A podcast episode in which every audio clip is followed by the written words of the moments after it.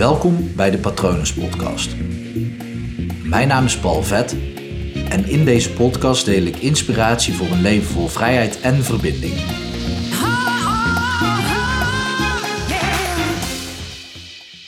Is dat wat je wil wel echt goed voor je? Ik sprak een jaar geleden een cliënt, een jaar geleden ongeveer, en dan moet ik het goed zeggen, op dat moment dat ik haar sprak, wilde ze heel graag nog een kind. En ze had er al twee. En voordat ze het eerste kind kreeg, voordat ze haar eerste kind kreeg, hadden de arts al aangegeven dat ze al fysieke klachten vertoonde en dat het voor haar lijf niet zo heel goed zou zijn om kinderen te krijgen. Nu wil ik het niet specifiek over dat onderwerp hebben, maar wel dat zij, terwijl ze fysieke klachten heeft, een kind kreeg. Je neemt geen kinderen. Ik verspreek me echt nog een paar keer tijdens deze podcast. Het, uh, het gaat om het krijgen natuurlijk en om het ja, dankbaar te mogen zijn voor dat wonder. Maar goed, dat begrijp je wel. En toen was haar eerste kindje er. En ja, toen had ze dus uiteindelijk, want dat, dat ging helemaal goed. Maar uiteindelijk kreeg ze dus veel meer last van haar lijf nog. Nog meer fysieke klachten. Maar nog steeds was die, die wens aanwezig om nog een kind te krijgen. En dat bleef maar wringen bij haar, terwijl haar lijf eigenlijk zei: Ja, is dat wel zo verstandig? Dat zei het bij het eerste kind al. En na het eerste kind was het dus heftiger geworden. Nou, ze kon zich bedwingen tot ja, zo'n vijf jaar later. En toen is uiteindelijk is ze toch overstag gegaan en heeft ze gezegd van, nou ja, ik wil nog een kind krijgen. En ze had dus al last van haar lijf, dus vanaf het moment dat ze zwanger werd, ja, al vrij snel tijdens de zwangerschap, had ze daar gewoon heel veel last van. En toen was dat tweede kind er, gelukkig helemaal gezond. Maar op het moment dat ik haar sprak, ja, was ze gewoon niet meer in staat om nog een normaal leven te leiden. Het enige wat ze kon doen was in stapjes achter een boodschappenwagentje aanlopen, omdat ze dan houvast had. Maar verder in huis kon ze niks. Eigenlijk mocht ze haar jongste kind, toen ik haar sprak van vier maanden, mocht ze die niet eens optillen. Dus dan zie je gewoon wat dat met je lijf doet. En het is gewoon heel heftig om in die tijd gewoon ja, niks te kunnen. Gewoon je leven niet te kunnen leiden, omdat je fysiek zoveel problemen hebt. En toen stond zij, toen zij bij mij kwam voor de keuze van een operatie aangaan of niet. En de operatie zou haar klachten uh, meteen al verminderen. Die zou er uiteindelijk ook vrij snel voor zorgen dat ze gewoon weer een normaal leven zou kunnen leiden. Maar de, de enige consequentie die verder aan de operatie, los van de standaard dingen die aan de operatie hangen natuurlijk, maar de enige consequentie was dat ze daarna geen andere kinderen meer zou kunnen krijgen. En natuurlijk is dat als moeder een hele heftige beslissing. Dat weet ik. De vraag is, en het is echt een vraagstuk, op het moment als jij eerst een kind krijgt en je weet al dat het niet verstandig is voor je lijf, en dat dat zo blijft wringen en dat je dan een tweede kind krijgt, en dat je dan dus fysiek gewoon zo onderuit gehaald wordt dat je gewoon geen vrij leven meer kunt leven. En dat je eigenlijk gewoon niet in staat bent om voor je eigen kind te zorgen. En dan op dat moment koos zij er niet voor om die operatie te ondergaan. Want wat als ze nog een derde kind zou willen? En de vraag is, wat is de intentie hierachter, achter het krijgen van kinderen? Natuurlijk gaat het dan om, en ik wil niet over dit onderwerp hebben, maar wel over de intentie van wat ze wil de intentie hierachter is natuurlijk gewoon ja, moedergevoelens. Gewoon rammelende eierstokken die zeggen, uh, ja, er moet, uh, er moet voortgeplant worden. En dat is natuurlijk een oerkracht die vrijkomt en die is wat lastig in te perken. Um, ik vroeg me toen af, niet openlijk naar haar toe, maar wel in mezelf van oké, maar wat, wat is nou de reden dat er nog een derde kind bij moet? Zijn twee kinderen niet genoeg en je kan er niet eens voor zorgen op dit moment. En die intentie erachter, die ontstaat vanuit een gevoel. En een gevoel wordt gestimuleerd door je onbewuste. En wat ik echt continu blijf herhalen, het is een vraagstuk. Ook als je jezelf deze vraag stelt. Want diep van binnen weet jij wel of dat het iets goeds is waar je achteraan zit. Dus wat, wat je wil, is dat echt goed voor je. En als je dan diep van binnen gaat luisteren naar jezelf,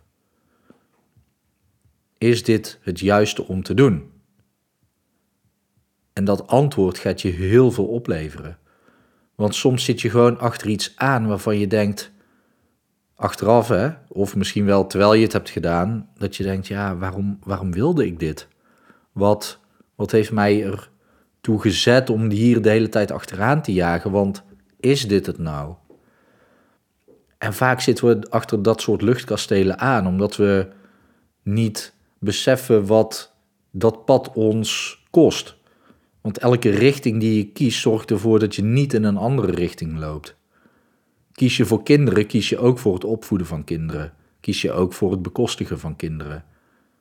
Kies je ook voor het verdriet wat je gaat hebben als ouder wanneer je je kinderen moet laten. Er zitten heel veel dingen aan die het je kost. Er zitten ook heel veel dingen aan die het je opleveren. Maar we staan er over het algemeen niet zo vaak bij stil wat het ons kost. Ik, zet, ik zit zelf te denken aan toen ik de Nepalreis ging organiseren. En toen heb ik een heel plan opgesteld, ben ik echt lang mee bezig geweest. Uh, met allemaal marketingplannen. En nou, ik had het helemaal uitgewerkt, heel businessmodel. En uiteindelijk wilde ik in eerste instantie in vijf jaar er naartoe werken dat ik zelf acht reizen per jaar zou kunnen organiseren. Of volgens mij was dat doel zelfs eh, binnen drie jaar, acht reizen per jaar.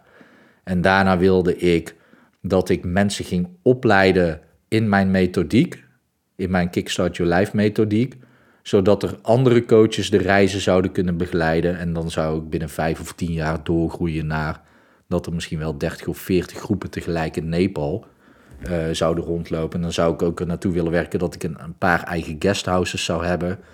Want hoe vet zou het zijn als je in de Himalaya zit in een guesthouse en elke dag komt er een nieuwe groep voor jou binnen die jouw reis aan het uh, lopen is, aan het bewandelen is. Vond ik een super vet idee. En ik dacht, ja, dan zit ik in Himalaya, heb ik die rust, die adembenemende vergezichten en mijn eigen bedrijf. Ik ben fit, want ik loop de hele tijd. Ik zit in de Himalaya, ik heb de hele tijd lekker eten. Ik hoef zelf niet te koken, niet af te wassen.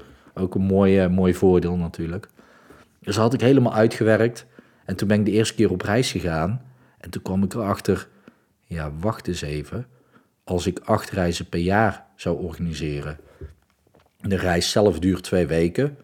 En het is wel handig om tussen die reizen in, tussen het begeleiden van groepen in, heel even adempauze te nemen. Omdat ik echt gewoon twee weken lang zonder adempauze met die groep bezig ben. Nou ja, reken dan maar uit, dan zit je al, al heel snel bijna een half jaar in Nepal. Zie je dan nog maar eens privéleven te onderhouden in Nederland.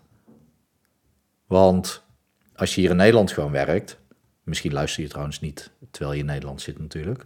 Maar als je gewoon aan het werken bent in Nederland en je hebt gewoon uh, eh, 40 uur die je werkt, of 30 of 50, maakt niet uit. Maar je hebt heel veel tijd over die je gewoon kan besteden aan mensen om je heen, aan je omgeving. En dat valt dan allemaal weg. Ja, zie dan maar eens een relatie of meerdere relaties met vrienden en bekenden en familie te onderhouden en op te bouwen. Dus toen ik die reis één keer had georganiseerd, ben ik ervan teruggekomen dat ik dat acht keer per jaar wilde. Laat staan dat ik dat nog groter wilde maken met alles wat daarbij kwam kijken ook nog. Alle verzekeringen, alle voorzorgsmaatregelen. Ja, hoe, hoe zou ik hebben gezeten tijdens coronatijd als ik daar uh, tien groepen had zitten in de Himalaya? Ja, dat zou best wel een ding zijn. Je bent ook niet zomaar in één keer terug vanuit uh, de Himalaya terug in Nederland. Daar doe je wel een paar dagen over. Ligt eraan waar je zit natuurlijk. Maar toen kwam ik daar pas achter. En als ik daar misschien beter over had nagedacht van tevoren, van oké, maar is ditgene wat ik wil wel echt goed voor me? Dan had ik daar misschien wel achter gekomen. Als ik daar echt even over ging nadenken en voelen. En misschien, ik, ik, ja, ik heb nooit onderzocht wat de reden was. Ik uh, haal dat verhaal nu gewoon naar boven. Maar dan zou er misschien ook nog wel een andere intentie achter hebben gezeten om die reizen te organiseren. Misschien wel vluchten uit Nederland, vluchtgedrag. Ehm, gewoon vluchten uit een dagelijkse omgeving, in een droomleven leven misschien wel. Geen idee hè, het zou allemaal kunnen. Uh, het kan ook zijn dat ik gewoon naïef was. Dat ben ik wel vaker, dus dat, uh, dat zou prima ook een mogelijkheid kunnen zijn. Maar um, ja, dus aan jou de vraag echt, is datgene waar je achteraan zit, wat je, wat je najaagt, is dat wel echt het juiste voor je? Gaat je dat echt opleveren wat je wil of wat je verdient en wat je nodig hebt, in plaats van wat je denkt te willen? Wat kost het je als je gaat krijgen wat je nu denkt te willen? Wat kost je dat? Wat moet je inleveren? Wat moet je daarvoor opofferen? Wat moet je er allemaal voor doen? Dat een hele goede vraag om te stellen. Want ja, is het het waard als je iets heel graag wil om daar je fysieke lijf voor op te offeren? Nou ja, misschien in het geval van een kind wel, maar dat ligt echt volledig aan de intentie hierachter. Dat is echt heel belangrijk. Heel belangrijk om dat te onderzoeken bij jezelf. Mocht je dit een lastig ding vinden, stuur me gerust een mail naar patronen.palvet.com. Je kan natuurlijk altijd kijken op www.hypnopal.nl om te zien wat ik voor jou zou kunnen betekenen. Ik hoop natuurlijk dat het goed met je gaat. Ik hoop dat je lekker op je eigen pad zit. Ik hoop dat het goed gaat met dierbaren van je. En ik wens je natuurlijk ook nog een hele mooie dag toe.